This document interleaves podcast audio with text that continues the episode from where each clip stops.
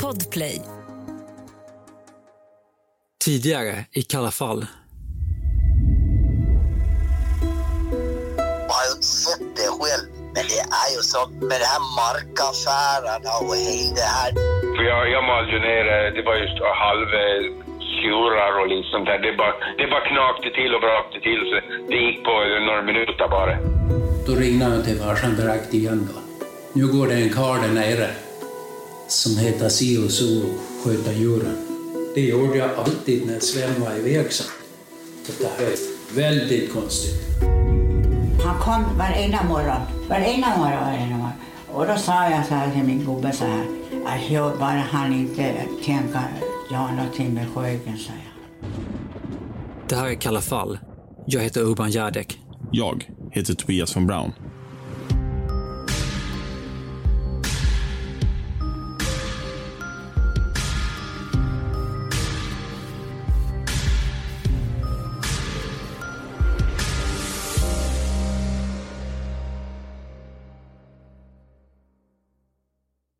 Vi har hört talas om den man som kallades för Bulvanen ända sedan vi först började gräva i fallet Sjögren. Bulvanen och direktören var de två namn som alltid kom upp när man diskuterade vem eller vilka som låg bakom Svens försvinnande. Vissa hävdade att Bulvanen var ensamt skyldig, andra höll på direktören. De flesta placerade skulden någonstans däremellan. Vem direktören var visste alla. Bulvanens identitet var mer höljd i dunkel.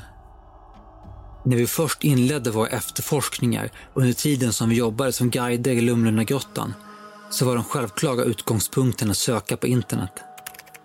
Vi fick snabbt en träff på internetforumet Flashback. Där fanns en tråd om fallet. I tråden blandades rykten och missuppfattningar, mer sansade spekulationer och fakta.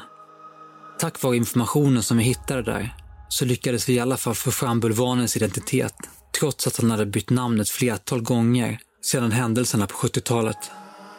Till skillnad från direktören, som var död sedan många år, så levde Bulvanen ännu och bodde i en liten lägenhet i utkanten av Visby.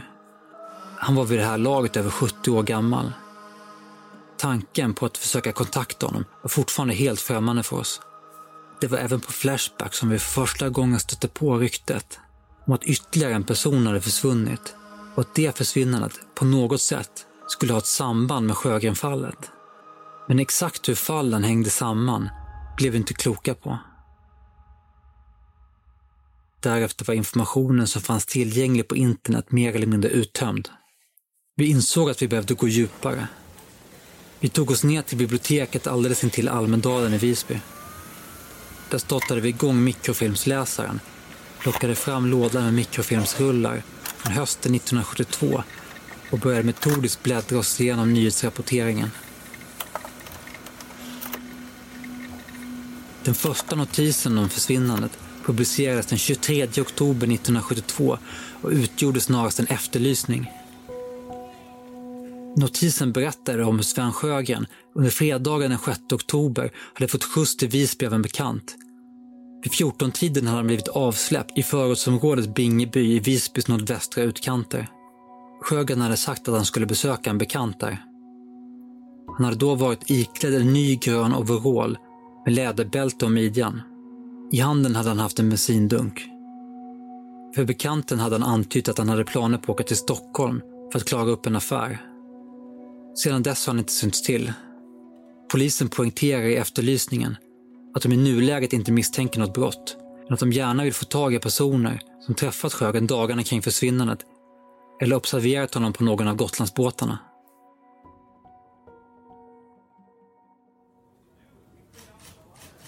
Polisen hade under utredningens första dag pratat med Svens närmaste grannar, Tore och Iris.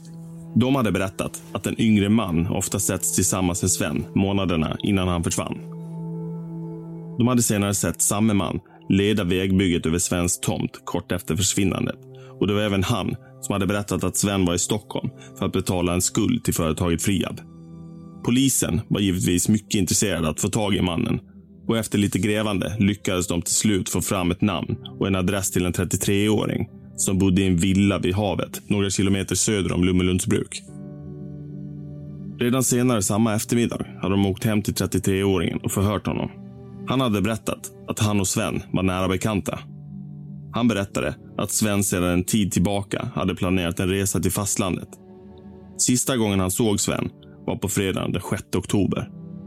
Sven hade velat ta skjuts in till Visby för att besöka en bekant i bostadsområdet Bingeby. När det hade visat sig att bekanten inte var hemma hade de istället åkt till Domus kafeteria och ätit en bit mat. Sjögren hade sedan tankat en bensindugg som han behövde för att få igång en gammal bil hemma på gården. Den hade nämligen fått slut på bensin. Slutligen körde de tillbaka till Bingeby där han släppte av Sjögren. Innan de skildes åt hade Sjögren pratat om att han antagligen skulle åka till Stockholm under helgen och att han skulle behöva skjuts till båten. Men de hade inte kommit överens om något närmare och därefter hade 33-åringen inte hört av honom.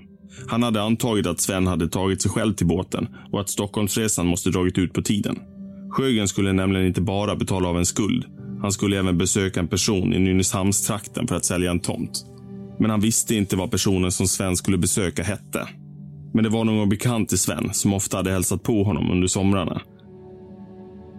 Några fler uppgifter än så hade inte 33-åringen att komma med.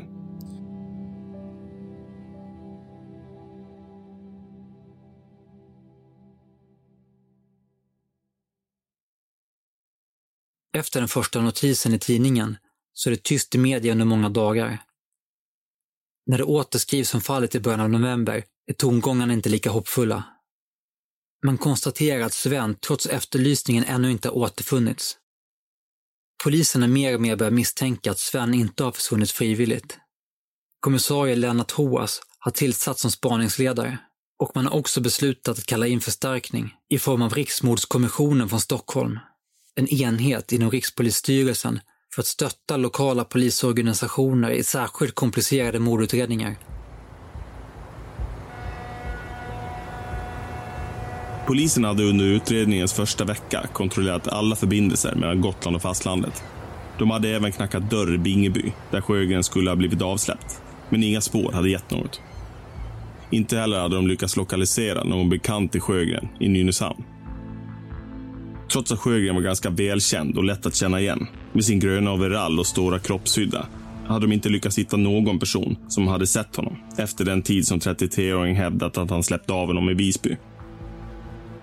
Det fanns även en hel del andra frågetecken kring hans berättelse.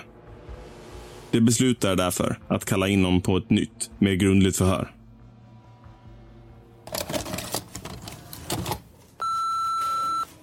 När förhöret satte igång dröjde det inte länge förrän polisen fick klart för sig att Sjögren och 33-åringen inte bara var bekanta. De hade även affärer ihop. Markaffärer. 33-åringen berättade att han köpt flera olika markområden av Sjögren det senaste halvåret. En del av marken hade han behållit själv, men den större delen av marken hade han sålt vidare till direktören för minkfarmen i Salthamn. Han hade alltså agerat mellanhand, eller bulvan. Självklart med Sjögrens goda minne, försäkrade han. Sjögren och direktören hade ju utåt sett varit ovänner under många år. Sjögren hade därför velat göra på det här sättet. Sammanlagt hade han under det senaste halvåret överlämnat nästan 90 000 kronor till Sjögren som handpenningar i olika omgångar. En summa som alltså motsvarar nästan 900 000 kronor i dagens penningvärde. Polisen noterade att några sådana penningsummor inte återfunnits i Sjögrens hus. Trots en grundlig genomsökning hade man inte hittat mer än ett par enstaka kronor och ören i huset. De bankkonton och liknande som de hade kontrollerat hade också gapat tomma. Från den dagen skulle utredningen allt mer komma att koncentreras kring den 33-årige mannen som från den dagen skulle bli mer känd under namnet Bulvanen.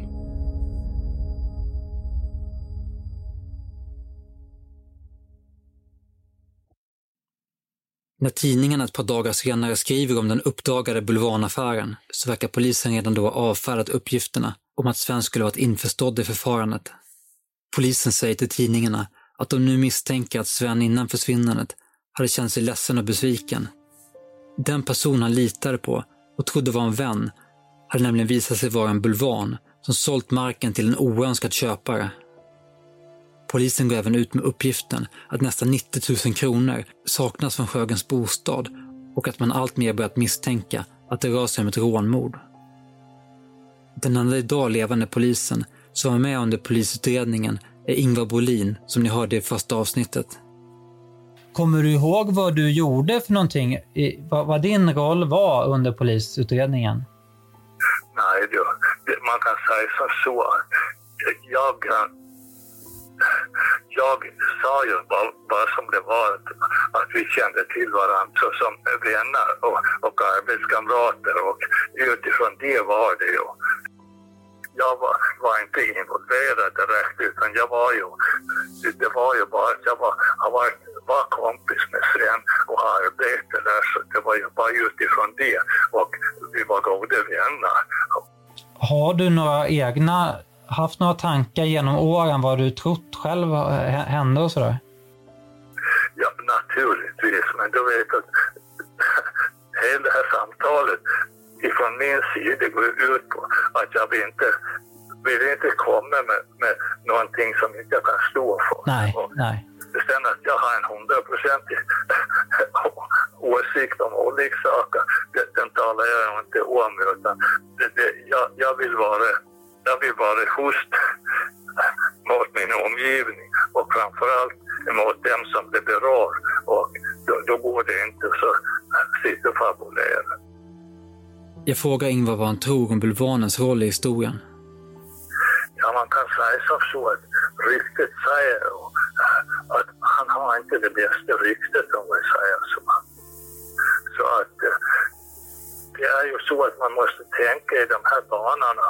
Vem är det som har mest att vinna vem är det mest att förlora? Nej. Det, det är klart att det finns en person till som skulle kunde tjäna på det. Men han, han skulle inte offra sin heder och ställa till någonting. De två poliser som antagligen var mest involverade i fallet var bröderna Lennart och Sven-Gösta Hoas. Lennart gick bort 2012 och Sven-Gösta gick bort våren 2021. Tillsammans med Christer Björle, chefredaktör på magasinet Horisont, besöker jag Margareta Hoas. Hon är dotter till Sven-Gösta Hoas, oftast kallad SG. Där, nu! Ja, hallå! Hej, Urban Jannek. Hej. Margareta, välkomna. Ja, nu får man väl göra Du så här. får väl Ja. hälsa, eller hur? Hej. Hej. Känns konstigt. Ja. Men, eh, hej. Hej. Hej, välkomna. Ja, ni får kliva in här. Tack så mycket. Jo, du är ju uppväxt med fallet. Det var väl det vi pratade om? Ja, just Eller det. som vi inte pratade om. Ja, ja. Eh, Ja, där är pappa ju jobbar med det här liksom. Mm. Och det var ju sånt som man... Ja, det är ju svårt det här när man är polis Mm. och man får med en massa saker som man sen inte får prata om med sin familj. Mm. Men det påverkar ju ändå ens eh, eh, familj. Ja. Och eh, det har ju varit mycket prat liksom runt omkring det hela tiden. Och Det var ju någonting som, som fanns i familjen och alltid när man var ute och gick så här så var pappa var ju alltid, han var ju otroligt observant och Ja. kunde, han hade ett fantastiskt eh, luktsinne och kunde alltid liksom, och kunde liksom Ja, man var ute och gick liksom någonstans så man, ja nu så kan ni stanna ni här, kanske jag ska bara Ja. gå och titta lite. Ja, liksom. tänk- tänkte då liksom att...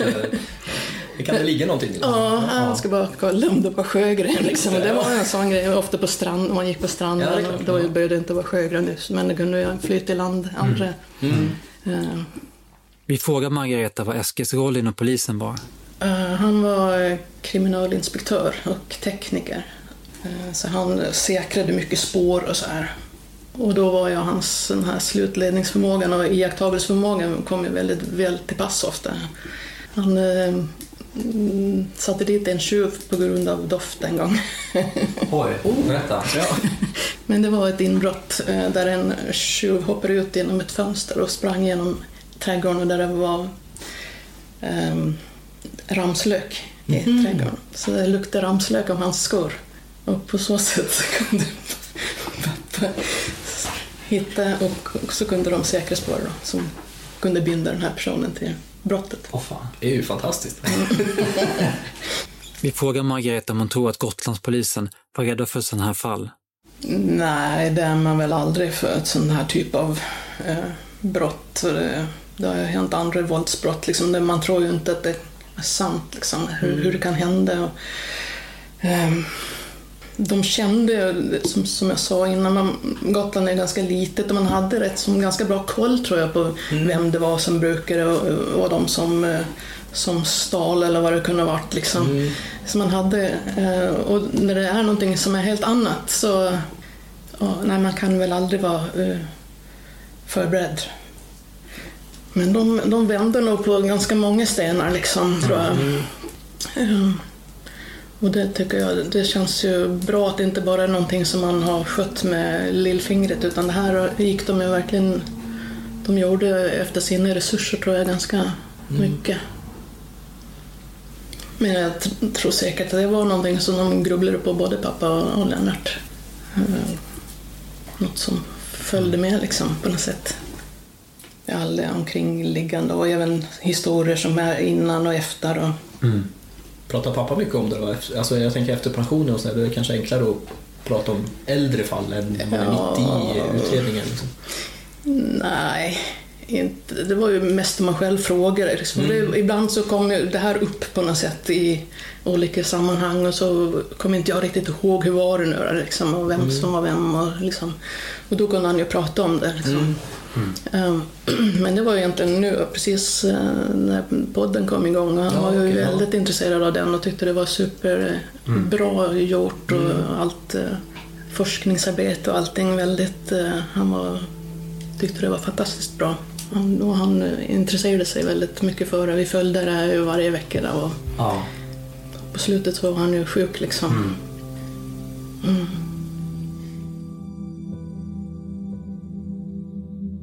När utredningen under hösten 1972 började få ordentlig fart så hade de flesta både inom och utanför polisen snabbt blivit övertygade om att Sven utsatts för ett brott.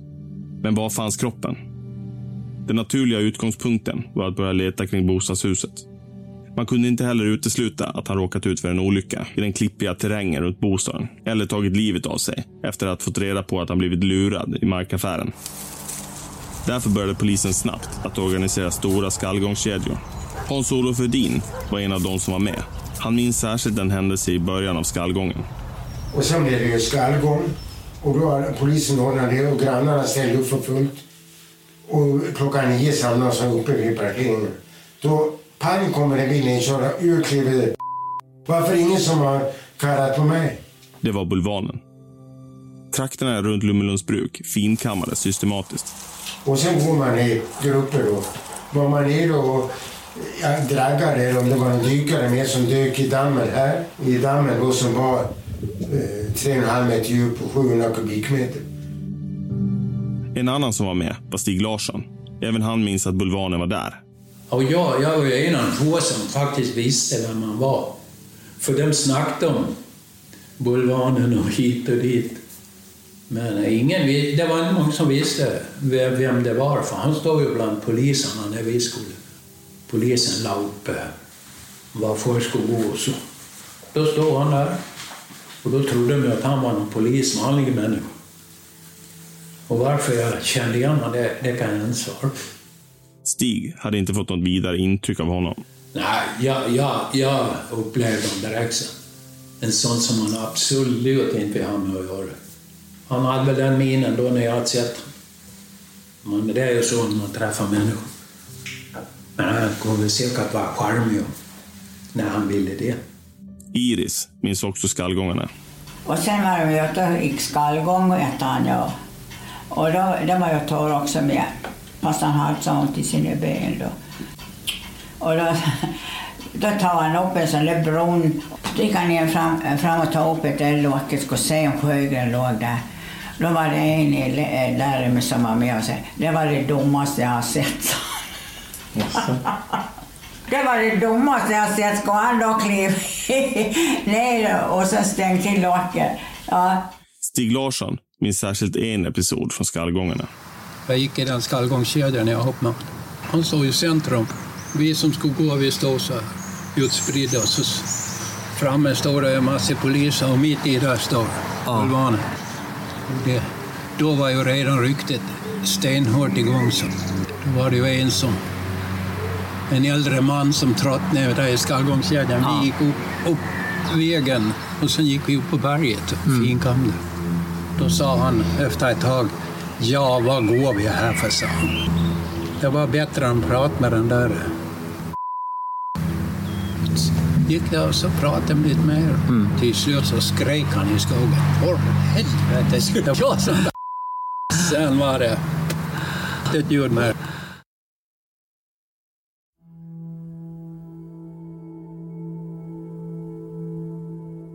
Hans-Olof trodde aldrig på teorierna att Sjögren skulle råka ut för en olycka eller att han tagit sitt eget liv. Det tror jag inte heller på. Och inte så, om någon har sett honom med Eh, en relativt, relativt nyköpt grön overall stå på någon av Gotlandsbåtarna och åka över och lämna allting. All, det var ju ynkligt att se detta boende eh, som han hade. Och, ja, jag vill säga misär och, och så.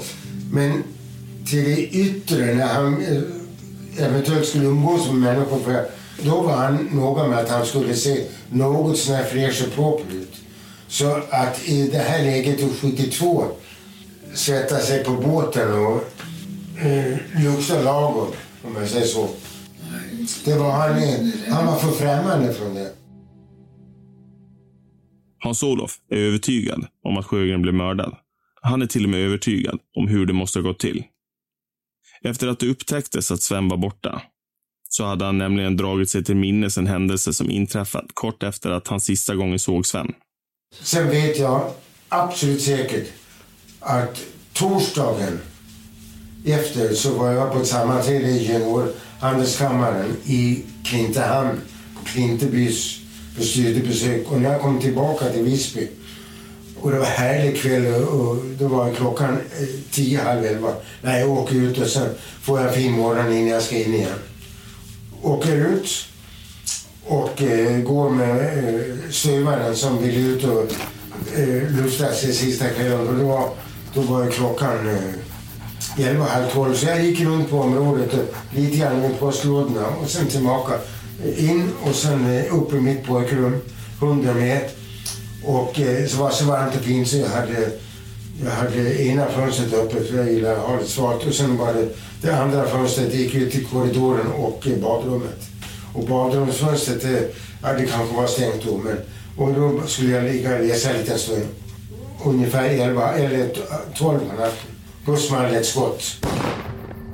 Det var absolut åt öster. Så hunden hoppar upp ur sängen på mig, ifrån min säng. Och vi båda två, och jag tror jag, jag, tror jag släckte ner och öppnade och stod och tittade från badrumsfönstret ut uppe. Jag hörde inget mer.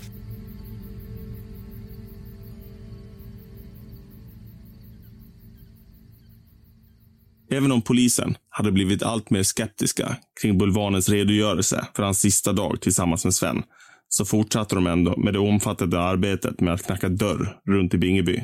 Men nu ska vi liksom äh, återskapa då den här äh, som äh, Bulvanen hävdar att han släppte ju av Ja, just Sjögren vid äh, Bingebyhallen. Ja. Och det är ju helt igenbommat nu. Det har ju stängt ett par år. Det Men då- ser ju fortfarande öppet ut med alla skyltar kvar. så. Ja, allting sitter kvar men det är nerklottrat och... Här, här kör, försök köra in här. Hösten 2021 besöker vi platsen. Här var det då ett torg tidigare. Det var så här då som Bulvanen hävdade att han släppte av Sjögren. Att han skulle besöka någon som bodde i de här hyreshusen. Som vi ser här. Oklart vilket då, eftersom man Ja, aldrig jo, inte är väldigt oklart vilket.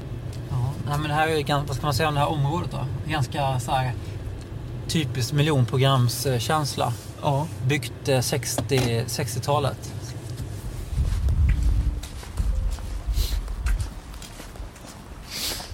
Och här har de gick och knackat dörr alltså. Efter att eh, Sjögren försvann så gick de och knackade på varenda jäkla dörr här. Det är rätt många. Ja, det är ganska många alltså. Den 8 november skriver tidningen att polisens ansträngningar äntligen verkar ha gett resultat. Under dörrknackningen har de till slut lyckats identifiera en person i Bingeby som haft besök av Sjögren vid tiden för hans försvinnande. Mannen berättar att en dag i början av oktober så hade Sven Sjögren knackat på hans dörr. Sjögren hade sagt att han egentligen tänkte besöka en annan person i området, men den hade inte varit hemma. Han undrade om han kunde få stanna hemma hos honom tills att den som skulle ge dem skjuts anlände. Sjögren hade varit klädd i en grön overall Men någon bensindunk minns bekanten inte. Han hade bjudit Sven på mjölk och smörgås. Sven hade sagt att han hade bråttom hem till gården då han hade många olika bestyr med lantbruket att sköta. Efter ett tag så hade en röd bil stannat utanför huset. Sjögren hade då sagt att det var den bilen han väntade på. Han hade gått ner och satt sig i bilen som sedan åkte iväg norrut.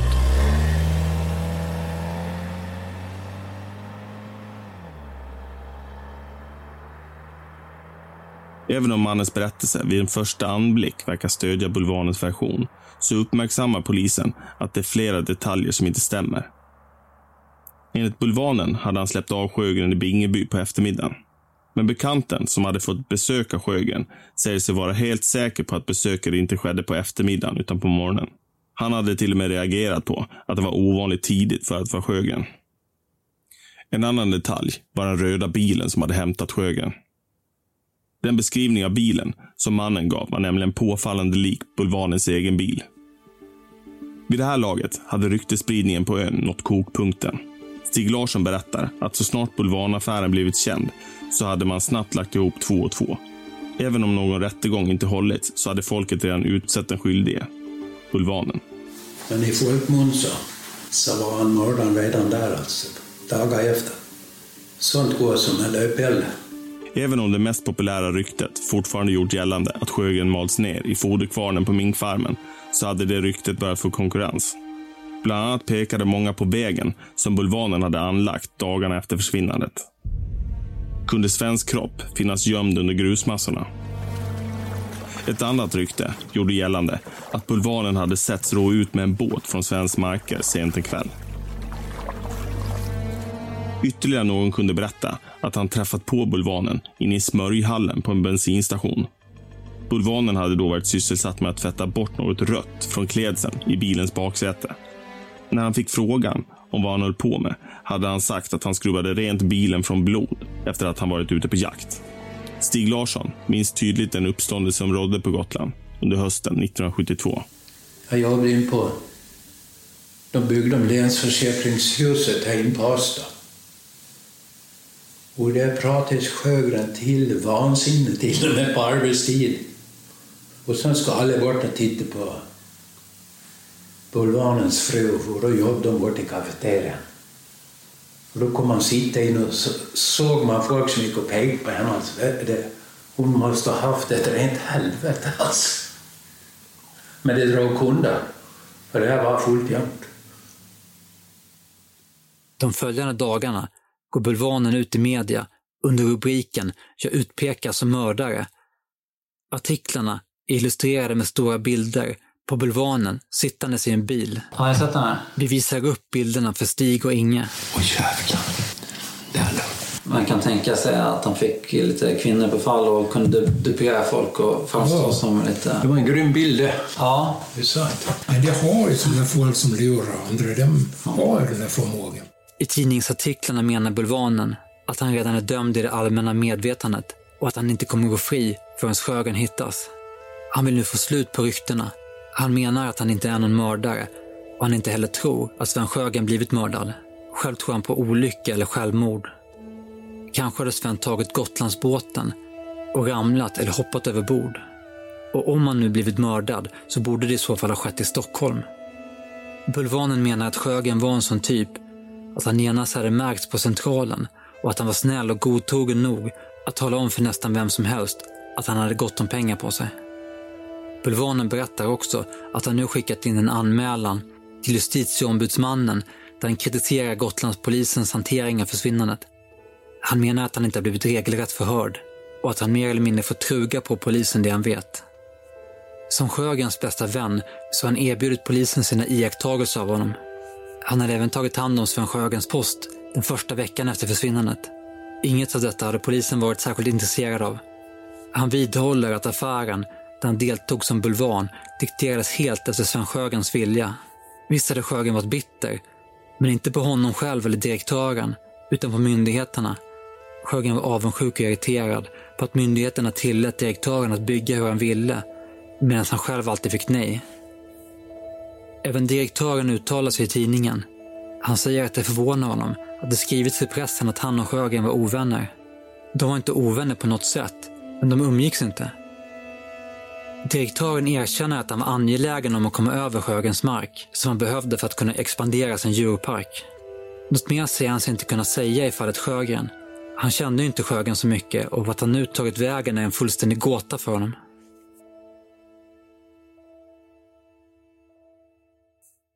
Slutligen uttalar sig spaningsledare kommissarie Lennart Hoas och säger att polisen givetvis inte har någon del i ryktesspridningen kring bulvanen. Han säger att han kan se flera olika motiv till försvinnandet och även om man inte helt lyckas utesluta möjligheten att Sven tagit sig över till fastlandet så bedömer man att det mest sannolika är att Sven aldrig lämnade ön. Lennart Hoas vägrar svara på om bulvanen är misstänkt eller om det ens finns någon misstänkt i nuläget. Men som så många gånger tidigare så vet polisen mer än vad de säger. En tidig morgon, bara någon vecka efter bulvanens utspel i media, så knackar det nämligen på dörren till hans villa. Det är två polismän som förklarar att han är anhållen. Men han anhålls inte som misstänkt för inblandning i svenskt försvinnande. Han anhålls som misstänkt för grovt bedrägeri riktat mot direktören för minkfarmen i Salthamn.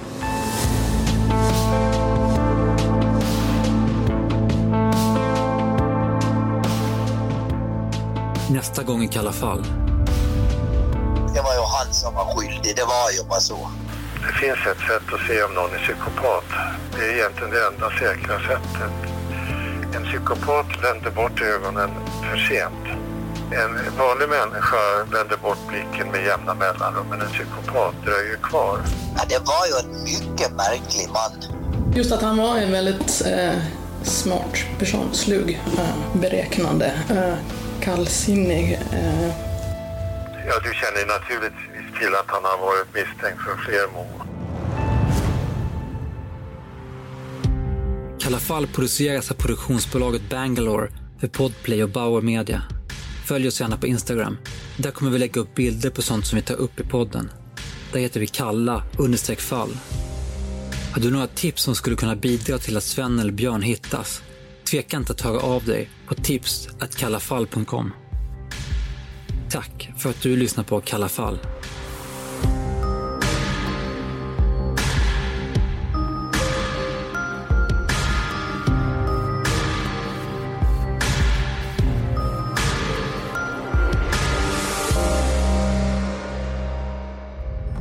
Podplay, en del av